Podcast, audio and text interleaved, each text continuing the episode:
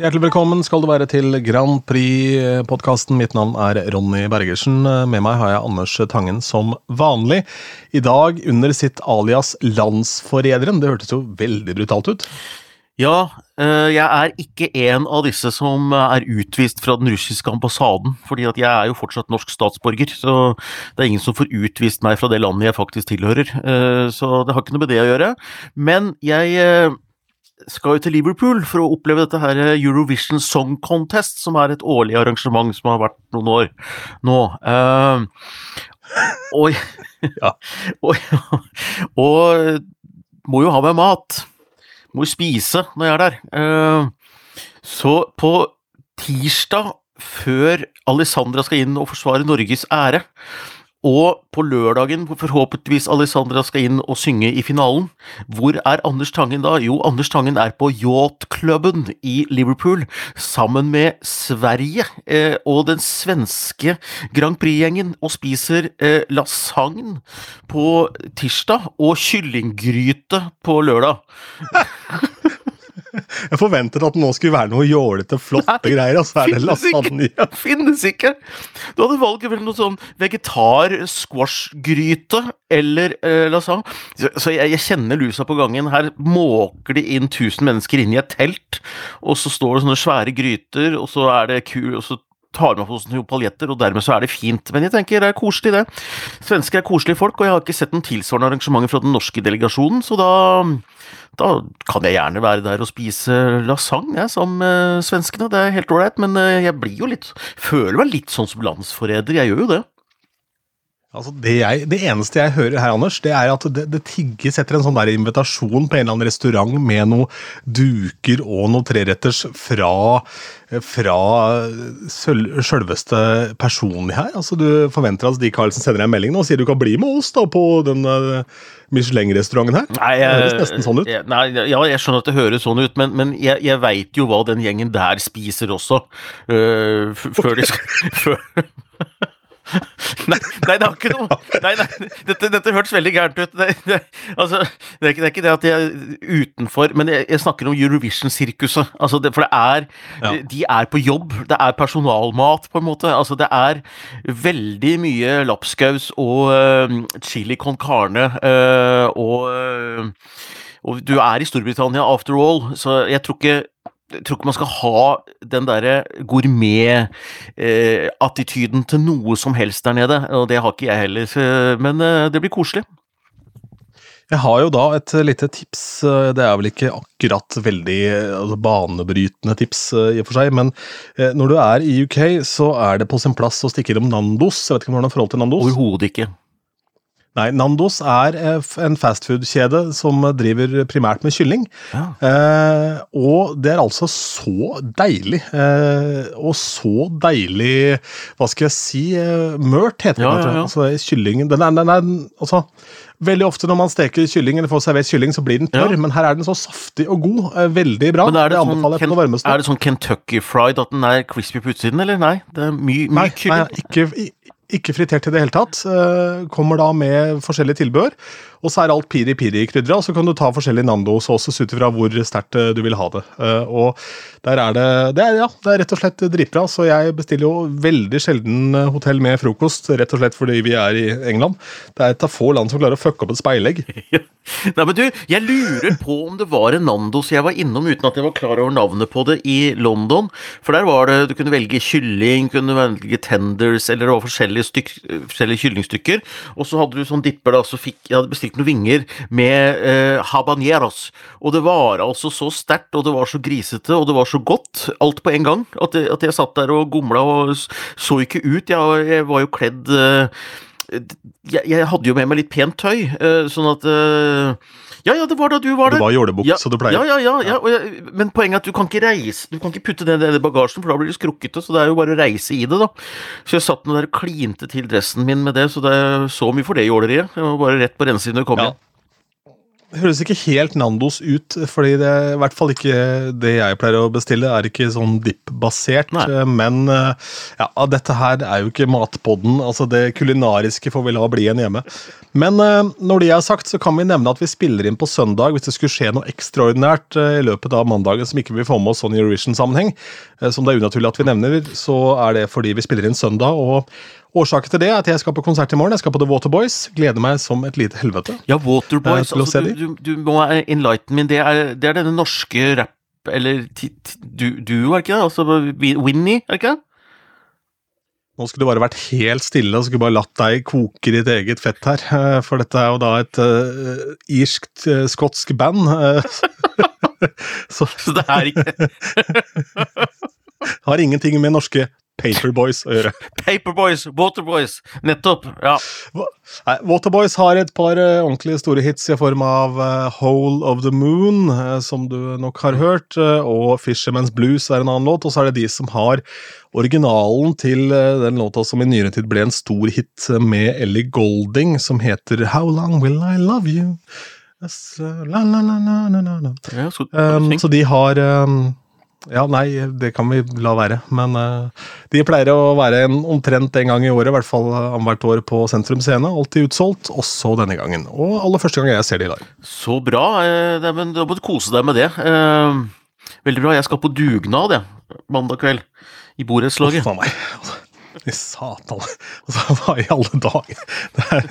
for et mareritt, da. Ja, altså, og så hadde jeg glemt det. Uh, du skjønner at jeg det er jo eh, spådd endelig sånn kjempevarmt og fint vær, så jeg skal jobbe, men jeg har én dag i uka med hjemmekontor, så jeg har ordna meg så jeg har fullt opplegg med telefonmøter og sånt, og jeg tenkte det kan man ta ute i sola og sånn. Så jeg hadde lagt opp til det, og så tenkte jeg skulle liksom etterpå skulle rusle litt rundt i byen, og så ble jeg bare minnet på at nei, det er dugnad, så da røyk jo hele den planen, da, så Men, men. Sånn får det være, da. Jeg får uh, ta og bære grus. Ja, det er det. Det fins uh, Jeg har vært med på dugnad uh, ja, altså Som barn så var jeg med en del i borettslaget, for det var litt artig som barn på dugnad. Så var det jo Da var du litt maskot, på en måte, og så flytta du rundt på noe ting, og så fikk du stor applaus fra de voksne. Uh, jeg skjønt men, den, den, den, Du, der sa du det. Jeg har ikke skjønt overgangen der, jeg. Ja. Nei, nettopp. altså, Trikset er egentlig bare å være tomsing, fordi jeg har vært på få dugnader i voksen alder fordi jeg aldri har uh, fått kjøpt min egen bolig, bare leier eh, leiligheter og sånn. Uh, for jeg har drevet altfor mye med festival, så jeg har egentlig gjort mer i dugnader enn jeg burde. når jeg tenker meg om, Men på festival så tjener man ikke noe særlig penger, da, med mindre du er et stort foretak. Så jeg har kasta bort alle sparepengene mine på det, uh, og har da vært med på dugnad i anledning festival utenom festivalen. Ja. For der hvor du en gang i tiden var og så Jahn Teigen i regi av Unge Bergersen oppe i Folkeparken der, så var jeg på dugnad fra Folkeparkens venner. Og da eh, det er de som har pussa opp hele Folkeparken i Askim. Den så ja. ut som en uh, rett og slett uh, helt forfallen, fram til noen begynte å ta tak i det. Og i og med at vi skulle arrangere festivalen der, så var det også litt sånn ryddig å være med på dugnaden. Mm. Og jeg har vel hørt fra flere i etterkant at de var mer imponert over antall vafler jeg klarte å skyve inn på, enn den grusen jeg flytta på, for å si det sånn. Jo, men ja, men litt, litt, sånn seriøst der, vi må ta vare på denne dugnadsgreia. Altså, mitt hjemsted Hunndalen utafor Gjøvik var det noe som het uh, Danseparken, het det vel i Hunndalen, som lå bare og ble overgrodd av brennesle og bringebærkratt uten bringebær, holdt jeg på å si, og, og, og en sånn scene som bare står og råtner opp og sånn. Så var det noen som tok tak, da, eh, til tross for at alle sa at ja, men det er ingen som går på sånne ting lenger, eh, altså dansefester. Så der har Hunndalsforum virkelig tatt tak. Dugnad. Klipt gresset, eh, fått det opp å stå, eh, og det gir jo ringvirkninger. Så plutselig så er det Folkets hus på andre sida av gata som er innendørs. Plutselig har det blitt konserter der igjen òg.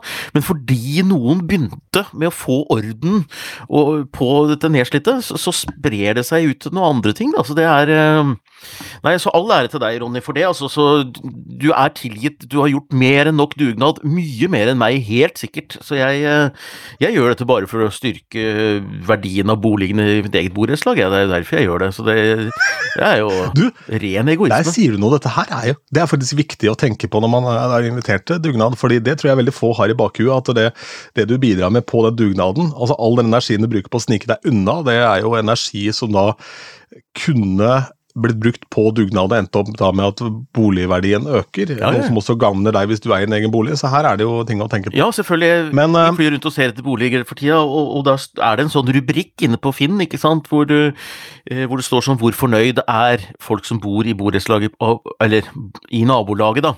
Uh, hvor fornøyd er de med ulike ting, og et av de kriteriene der er jo liksom uh, stell av hager, eksempel. Altså, uh, jo bedre det er, jo høyere pris. Så Yes. Ja.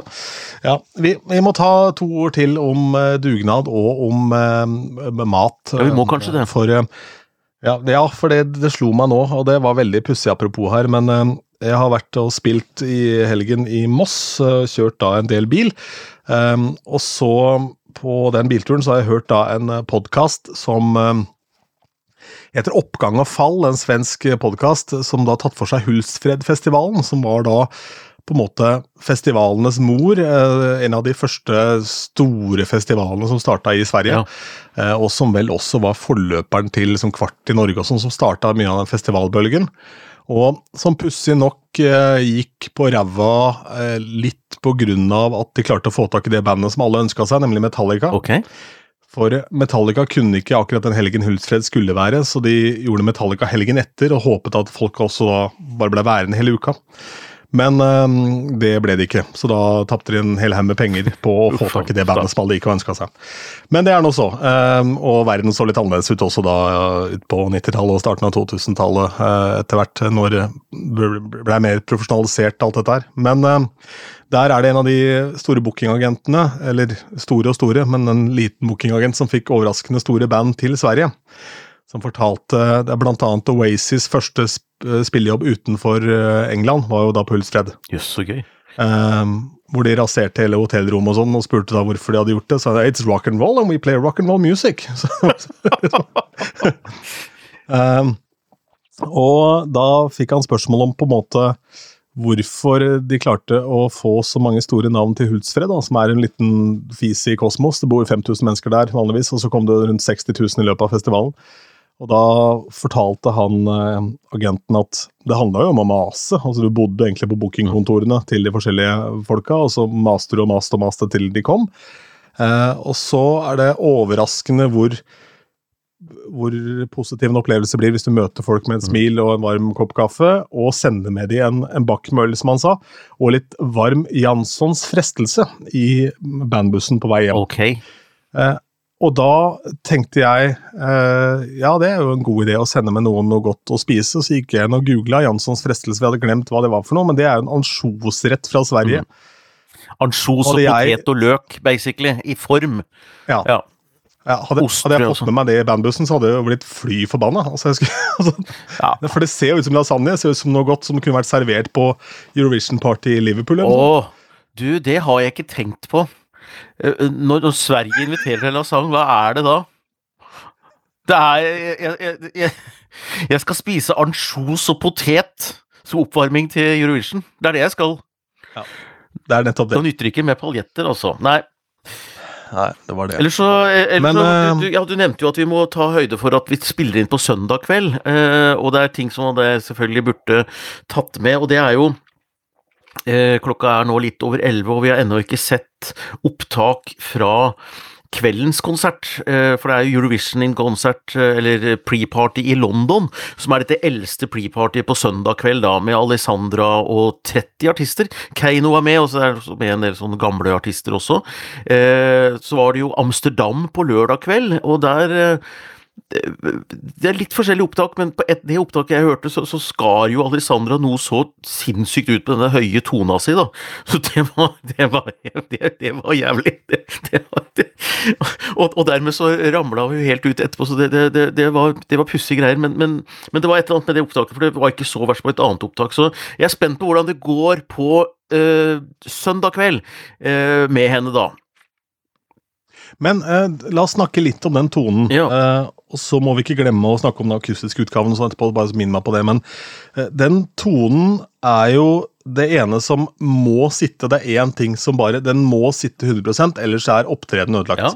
Det er det eneste folk husker da, er på en måte at den tonen ikke fungerte. ikke sant? Mm. Er, det er meget høy risiko, er det ikke det? Men samtidig X-faktoren i låta. Selvfølgelig er det det. Altså, jeg øh, Jeg sa en gang øh, i forbindelse med altså Bare for moro skyld, da. Eh, begynte å fable om Som jeg fortalte deg, jeg sendte jo inn låter, og så var den med på shortlisten. Så snakka jeg litt med Stig i en annen sammenheng, og så snakka liksom Ja, hva, hva hadde du ønska deg hvis du skulle ønske deg på et sceneshow? Så sa jeg at jeg ville ha verdens beste såpeboblemann, sånn som står på gata og lager svære såpebobler. Så sceneshowet skal være at vi skal leie inn eh, verdens beste såpeboblemann til å stå og lage en såpeboble hver, hver, eneste gang, og den skal være så svær at den egentlig skal pakke inn artisten i en uh, ordentlig såpeboble.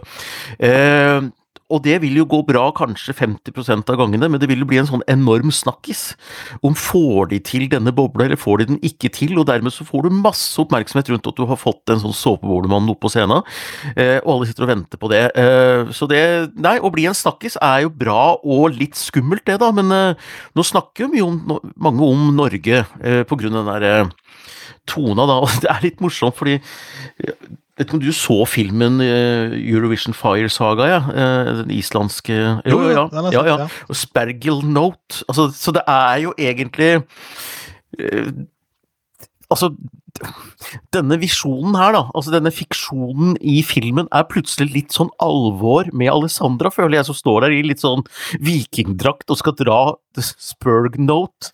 Uh, eller Whistle så det er uh, Nei, jeg kommer til å være kjempespent, og jeg har bare tenkt at dette kommer til å gå bra, men når det nå liksom har skåret seg én gang, da, så kan det jo skjære seg en gang til, så det, det tilfører visst en liten risiko. Det er nesten så du kunne tro hun gjorde det med vilje, bare for å lage litt sånn Rundt det. Jeg så forresten, eh, siden det er søndag, jeg så nettopp rett før vi gikk på opptak her, at det var en annen litt sånn Alessandra-krise som var mer av det litt sjarmerende preget, da, fordi hun gikk i gangene på den her eh, pre-party som er ganske stort i London, gikk rundt på sånne veldig høye hæler, og hun hadde fryktelig vondt i beina, og dette lager hun, hun en morsom video av, selvfølgelig, det er ingen som liksom Men hun hadde skikkelig vondt.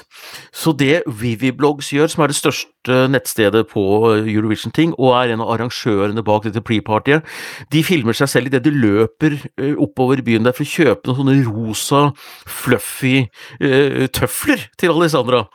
Og hun blir så glad, da, så sparker hun disse her høyhælte skoene sine og går da labbende i noen sånne svære rosa tøfler. Jeg vet ikke om han kommer til å bruke det på scenen, men det er en veldig, veldig morsom video. Så det er noe å bruke alt som skjer, da, til, eh, til litt Til litt sjarm og hygge og moro. Det er jo by the way en sånn uh, helt klart klar indikasjon på at det kommer til å bli en god fest når jeg skal spille i et bryllup på et spahotell. Jeg kommer til spahotellet og oppdager at eh, det på siden av scenen står en hel kasse med sånne spatøfler, ja. slik at alle jentene kan kaste de høyhælte skoene og danse i de spatøflene eh, utover kvelden. Mm. For da er det på en måte rigget for, for et lite partai der, istedenfor at man må ta hensyn til hva man har av skotøy, for det er jo ikke det er ikke all musikk som er like egnet å danse til i høye hæler, hvis ikke du er vant til å gå med det absolutt hele tiden. Nei, og det er jo uh, veldig gøy at det finnes en låt om akkurat det i årets Eurovision, uh, fra Malta. Oh, ja. ja, ja. Ja, ja. De, for de har en sang som er I Feel Better In My Sweater. Eh, fordi at eh, det handler om at det er så kjipt å være så stivpynta å være på dette her, liksom oppstylta party. Det er mye hyggeligere å dra hjem til noen og danse rundt i genser og pysj og tøfler. Så mm. nei, er, nå har de fått en anthem som ble sagt i adresse Det var jo adresse Liverpool for første gang nå på fredag, og der uh, sa jo Kim Wigård dette her, at uh, nå hadde endelig de som liker å gå på fest i pysj, fått sin anthem, som er uh, Maltas låt. Forresten, det var veldig bra det, bra det adresseprogrammet. Jeg er bare skuffa over to ting, eh, må jeg si. Det ene var at jeg følte meg ganske godt plassert på første rad under innspilling av Adresse Liverpool. Jeg var ikke i bildet én eneste gang, bare bakhuet mitt et par ganger der, og, og jakka mi. Eh, Så det var, en, det var en stor nedtur, må jeg si, altså. Det skjønner jeg. Men uh, ellers var programmet fint, det. Uh, favoritten min Frankrike vant uh, avstemningen der, og veldig happy med det. Ta to ord om dette med pysj-party. La oss gjøre det. For en av mine store helter i livet, ja, nesten omtrent i hvert fall, en av de jeg syns er morsomst i hele verden, er Kristoffer Schou. Ja. Og han fortalte at de hadde en fest i gang som gikk litt over styr, hvor alle endte opp eh, nakne og drita fulle. Og da fant de ut at neste fest så skulle de komme nakne og drita fulle. Eh, og da var det jo ingen som gjorde det neste gang de skulle på fest hos eh, da, den personen som party var hos. Med unntak av skuespiller Jan Særlid, som kom rett fra danskebåten. Som bare, Han var rett hadde ikledd seg Ja. Rett fra danskebåten. Danske er med. Ja, Som var kjempefull, da, for han har vært på danskebåten. Og så hadde han da eh, i taxien kasta klærne og stjålet et håndkle på danskebåten som han da bare hadde rundt livet. Eh, og så kom han da på festen i, iført eh, bare det håndkleet, da. Eh, så det var og jeg tenker bare på den, eh, den historien jeg fortalte forrige gang, hvor jeg var toastmaster på et arrangement på Hotell Amerika-linjen, hvor det egentlig ikke var noe annet å gjøre enn bare å gå inn naken, da. Det, ja, var sånn det var, ja, det hjalp jo ikke, det. Men Eh, så du var ikke i ruta engang. Men eh, jeg tror det er rett og slett at du da De har sett på Kvelden under ett og tenkte at den ville bli overeksponert, for du var jo også gjest da i Lindmo. Ja. Eller ikke gjest, men i publikum i hvert fall. Publikum, vi satt i publikum, og, og, der var jeg relativt i bildet, og så merka jeg at Å nei, nei, nei, nei. Uh, det var ett bilde hvor jeg hvor Alessandra snakket om at hun prøvde å være positiv og glad for ting. Og da var jeg litt vel lyttende, hvis du skjønner. Altså, jeg, jeg satt og nikka litt for mye, og smilte litt for sånn der. Så jeg ble han i publikum som jeg alltid legger merke til sjøl, som jeg syns er litt dust. Så sier jeg ja, det var bra sagt, veldig bra sagt, alle sånne. Og det ser så dust ut. Så ja, det var, det var litt tungt, akkurat det, altså, men det var jo vel ment, og jeg visste ikke at jeg Jeg gjorde det ikke bevisst, jeg syntes det var bra det hun sa. Jo, og greia er jo det at du er nok også farget av at du har jobbet i radio lenge. For vi er jo opplært til å nikke og smile og være positive, men ikke å si ja og mm, mm, ja, ja, mm, mm hele tiden, fordi det ødelegger intervjuet. Ja, akkurat det. Eh, så da gjør man nok automatisk litt de faktene også, vil jeg tro, da. Ja. Men um, Nei, jeg må jo um, si jeg tror jeg var den første som Spilte den akustiske utgaven på NRK radio av, um, ja. av um, Queen of Kings, og den var jo dritfin, ja. rett og slett. Jeg ble nesten litt tatt på senga hvor fin den var, og hennes egen onkel på gitar også. Ja. Nei, og det er uh, veldig smart, og kjøre denne kassegitartesten ut, som jeg egentlig er alltid opptatt av med Eurovision-låter, at det skal være låter som om du stripper bort all produksjon, så skal du fortsatt sitte igjen med noe som funker, da. Og eh, vi skal legge ut link her også til en eh, veldig god React-video, syns jeg, fra en musikklærer, eh, som går gjennom hvorfor eh, låta Queen of Kings egentlig er en ganske sånn spennende og interessant eh, musikalsk låt, da. Eh, både melodisk og rytmisk og oppbyggingsmessig. Så nei, det er veldig gøy å se, og jeg er helt enig med deg. Jeg syns at uh, Og der kler jo den måten hun synger på, uh, hvor hun improviserer litt, eller drar litt på tonene og tar seg noen friheter, funker veldig bra akustisk. Og jeg tror det er det som er hennes nemesis når hun da skal gjøre live-ting midt på natta foran cava-fulle spanjoler. Så får hun lyst til å jazze også i originalutgaven, og det er, ikke, det er ikke plass til. For da må du hente deg inn til neste eh, strofe som kommer veldig fort. Og, og det mm. rekker du ikke alltid å komme deg tilbake, da. Så det, jeg, jeg, tror hun rett og slett mangler litt sånn den sceniske erfaringa til å vite når er det jeg kan skli litt ut, og, og når er det jeg kan hente meg tilbake. Men jeg er ikke så bekymra, fordi at jeg tenker at så bra at hun gjør disse erfaringene nå, på disse pre-partyene, og ikke i Eurovision-uka. fordi hun er jo ikke dum, så hun hører jo dette her selv. Det er ikke noe sånn at eh, Nei, du, hun Hun hører det bedre enn noen andre i hele verden, skal jeg love deg. Ja, det, akkurat det.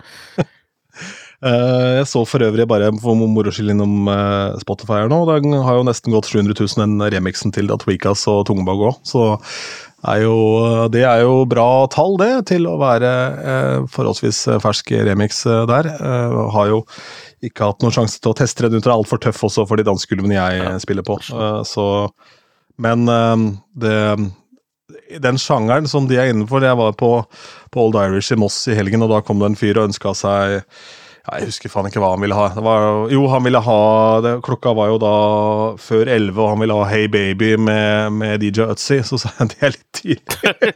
det er en låt som jeg tror kun lever videre på på uh, Old Irish, uh, på afterski, uh, eventuelt helt på slutten av et bryllup eller på hopprenn. Ja. han lurte på om jeg kunne spille den, sa ja, det kan jeg kanskje gjøre om to og en halv time. Og da vil han ha noe hardstyle som alternativ, og det er jo da innenfor den sjangeren som den eh, remixen er i. Men, eh, og da svarte jeg det får du ikke. Det klarer Og da sa han nei, det er bare jeg som liker det. altså. Ja, bare jeg som liker det. Sånn litt sånn håndlig. Ja, litt sånn passiv-aggressiv på slutten der. ja. ja miljø der, tydeligvis. Milliardær, ja nettopp. Nei, miljø, miljø, ikke milliardær. Miljø der. Miljø der, ja. Mm. Jeg tenkte kanskje han var milliardær og er vant til å få det som han vil, jeg. Ja. Nei, altså Hadde han bladd opp, så hadde jeg spilt hva faen som helst. Ja. For det er ikke så bra betalt å kjøre til Moss, men Ja, ellers så er det jo spennende da, da eh, hvordan streik i Norge eh, eventuelt eh, Det blir jo streik da fra mandag, og noe med kanskje stengte ølkraner etter hvert, og mangel på enkeltprodukter. Eh, det var liksom sånn Jeg leste 'Slik kan streiken ramme deg', og det jeg kunne konkludere med, det var at denne storstreiken kan gjøre at jeg må drikke litt mindre øl og gå glipp av noen enkeltprodukter. Så det skal vel være til å leve med. Det som er uh, jokeren, er det jeg drikker her. Pepsi Max. Uh, for det er ikke noe land i verden som konsumerer mer Pepsi Max enn Norge. og dette er det ene produktet som kjøpmenn sier at de ikke kan gå tom for. De kan gå tom for øl så lenge de har en annen pils, så går det fint. Eh, går de tom for Pepsi Max, som distribueres av Ringnes, så har de et problem. Eh, for da er det også en, en markedsmakt som eh, endrer sted å handle, hvis ikke de har denne dritten her i hyllene. Rett og slett fordi det elsker vi overalt på jord i dette landet. Så det blir veldig spennende å se hva Norge Eh, hvordan Norge reagerer på eventuell Pepsi Max-mangel. Oh, så vi skal gå rett og slett inn i en Pepsi Max-krise inn mot Eurovision-sesongen nå? Mark my words, fredagstaco blir aldri det samme uten. Um, vi kommer nok da til å oppleve lange køer over Svinesund, og svenskene kommer nok til å kjøre opp innsatsen her hvis dette blir langvarig. Depresjon. Ha det helt med ro. Mm. Det, ja, ja. Maks depresjon. Ja. Nei, men det er ikke tull. Altså, det er rett og slett helt absurd hvor mye Pepsi Max vi drikker. Og eh, uten tvil det landet i verden som konsumerer mest. Mm. Det visste jeg ikke. Eh, jeg har eh, egentlig ikke oppdaga Jeg drikker jo Cola Zero, jeg, da. Eh, men så har jeg fått Pepsi Max ved en feiltakelse av og til, og det, det, er jo veldig godt. Så jeg skjønner det er, Men helst fra boks, og helst ordentlig kald. Det er viktig. Ellers så, ellers så blir det gærent. Ja. Jeg har jo en utfordring også, for dette her er min store favoritt. ikke sant? Farris her. Ja, det må være blå. Så dette er riktignok bare vann på den flaska her, da, så det er rett og slett bare Du vet de der eh, som skulle være kule, som hadde sånn Voss-flasker de gikk rundt med på treningssenter og sånn? ikke sant? Og så hadde jo de kjøpt én sånn, og så fylte de på med vann. Sånn har jeg med blå Farris. Ja, nei, jeg, jeg, har det sånn som det. Du må ha Farris, den må være blå. Jeg har vin, vin, den må være hvit. Så det er litt, ja, okay. det, er litt det er litt det samme. Jeg, jeg, de har jeg gjort en gang. Det er to ting jeg har gjort bare for at jeg tenker at Eh, du, du vet jo at jeg er sjuk i huet. Altså det, at, at, jeg har litt sånn mentale problemer. Det har du fått med deg. Uh, og som, som, gjør at jeg, det er enkle ting jeg bare må teste ut, og jeg hadde det for meg at uh, det er en del sånn uttrykk vi bruker, som vi sier 'ja, det er som å', ikke sant? Og så veit vi egentlig ikke hvordan det er å gjøre det vi sier. Så det var liksom en gang uh, på 80-tallet, vel, hvor jeg skulle teste ut dette herre 'ja, men det er som å hive penger ut av vinduet'. Så jeg, jeg, så jeg kjørte, kjørte, bil, husker jeg, på bygda opp til Skomsjøen fra Gjøvik. Og da hadde jeg en 500-lapp. Det var i 1986, dette her, så det var jo litt penger. Så tenkte jeg ok, her flyr den! Så kasta jeg 500-lapp ut av vinduet. Eh, så jeg veit hvordan det føles å kaste penger ut av vinduet, faktisk. Og så eh, hadde vi leid en hytte en gang hvor jeg skulle hente vann i en bekk, og da gikk jeg konsekvent over bekken og fylte bøtta, og så gikk jeg over bekken og bar det eh, tilbake. Så, så, det er noe med å teste alle disse her eh, uttrykkene som er, eh, som er viktig, da. Har du hoppa etter Wirkola òg? Nei, det har jeg det, men, men, men, men, det sto egentlig litt på planen å skulle gjøre det. Og nå husker jeg ikke, det var en eller annen sånn uh, link til Eurovision her, men den forsvant for meg, gitt. Uh, som jeg også skulle teste. Så rart. Ja, det var veldig rart, men vi får ta det en annen gang. Uh, nei, men det, det, er noe med å Ja, det blir jo som òg, og, og, så får man teste, da, hvordan det er å, å gjøre det på ordentlig, egentlig.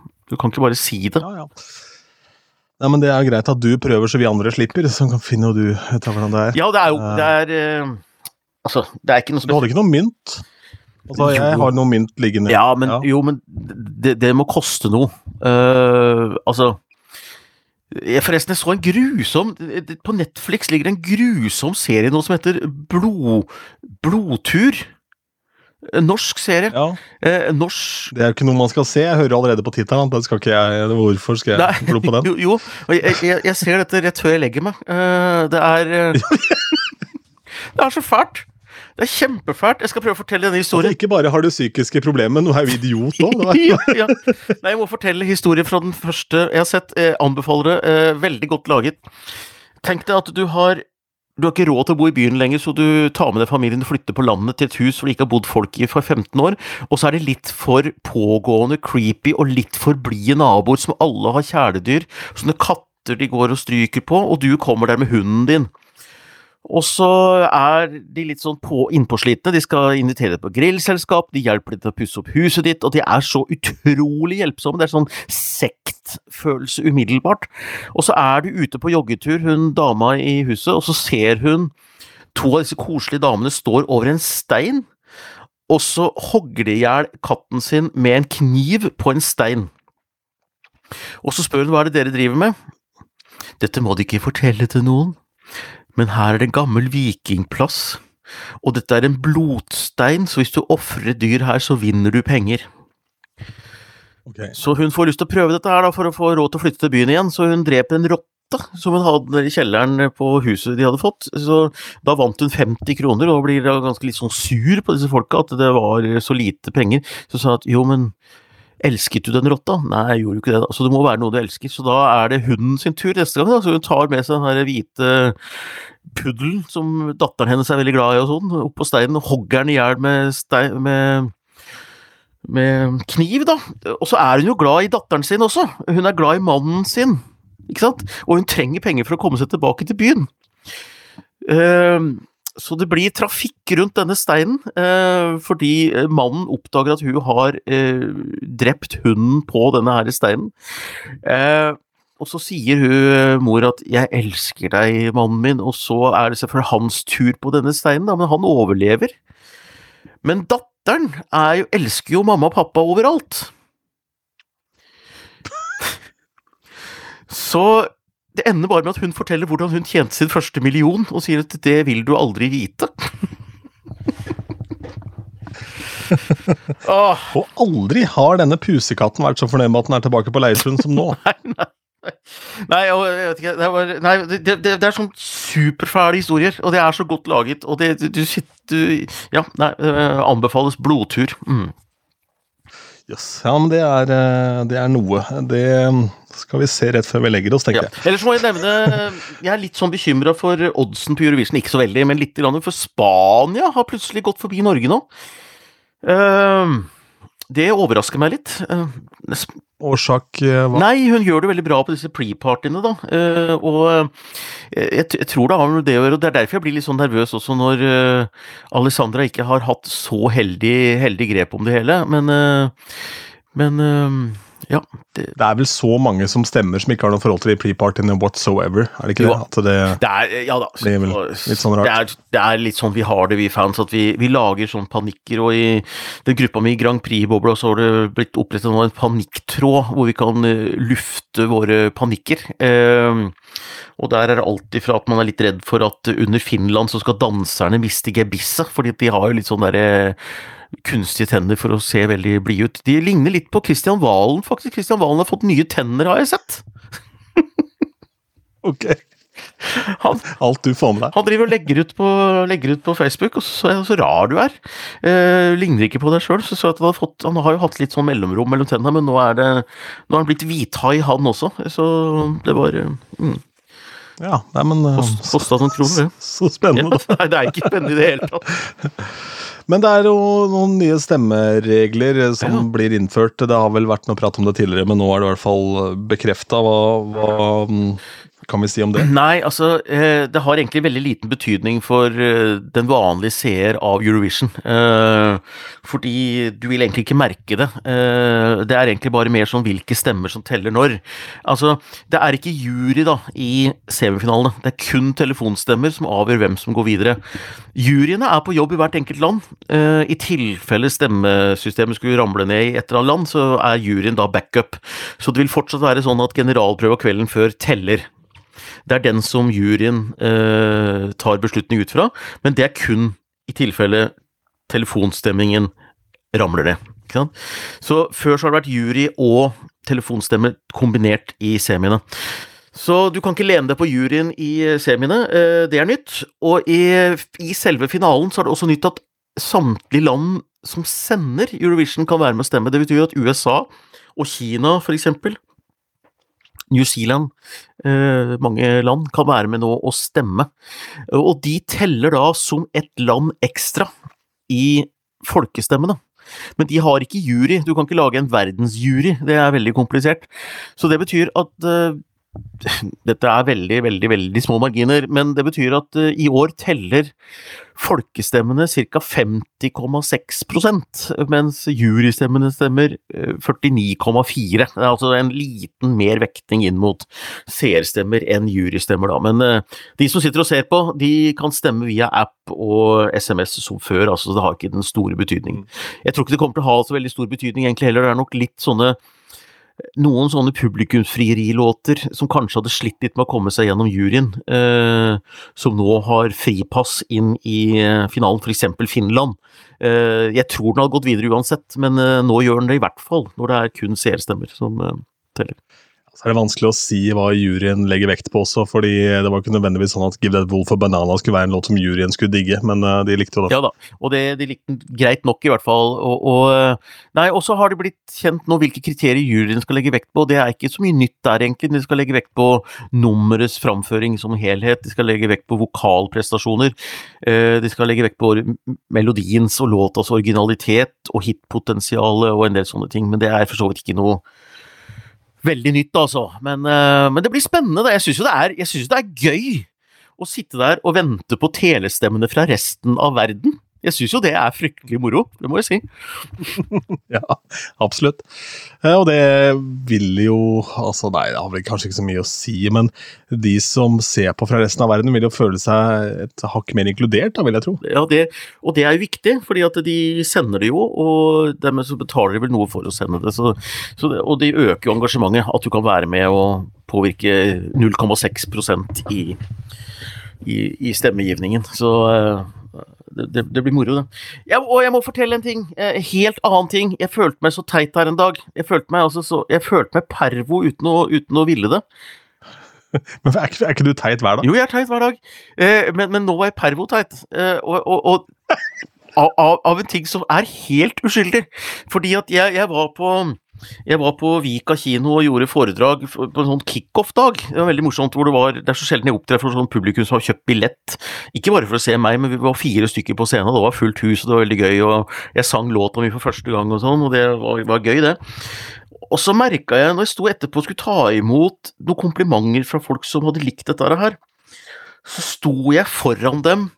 Det regna mye den dagen, så hadde jeg paraply. Så jeg sto liksom litt sånn oppi ansiktet hun jeg snakka med, og prøvde å få på det derre trekket på paraplyen min. Ja. Og, det, og, det, er sånn der seksualundervisning, hvor det står altså for å prøve å få på denne bananen, og, og, og, jeg tror ikke hun la merke til det, men jeg så det. Og så begynte jeg å bli flau fordi jeg egentlig bare sto og skulle pakke inn paraplyen min og jeg, og jeg, tror jeg rødma, uten, uten, at det var noe Jeg blei så varm og, og, så pinlig berørt at jeg sto der og hadde trekk på paraplyen min. Altså, det er jo ikke friskt, det. Nei, det er jo ikke det, men det kan hende at du tenkte at hun kanskje hadde observert deg på den skolen med barnevogna i forrige uke. Ja, ja, ja. Ja, altså, altså denne podkasten er liksom åpen, det, det er jo podkastens natur, så jeg tenker at jeg, jeg Det er mulig at det, at det, er et bilde som begynner å avtegne seg som ikke er like fordelaktig der, da. Og det kan forklare noen ting hvorfor jeg bare blir sett med ryggen på adresse Liverpool. jeg skulle til å si det. Jeg er cancelled, rett og slett cancelled. Jeg tror ikke det er cancel, jeg tror bare det må vernes litt mot deg selv. Ja, det er det, ja. Ja, det er, ja, det er et slags sånt uh, offentlig vergemål. Uh, et slags kollektivt vergemål. Jeg har ikke én verge, men det er liksom Samfunnet passer på meg, da. Mm. Ja, nei, vi tar den oppgaven med største alvor, vi. her, i hvert fall. Det kan du ta helt med ro.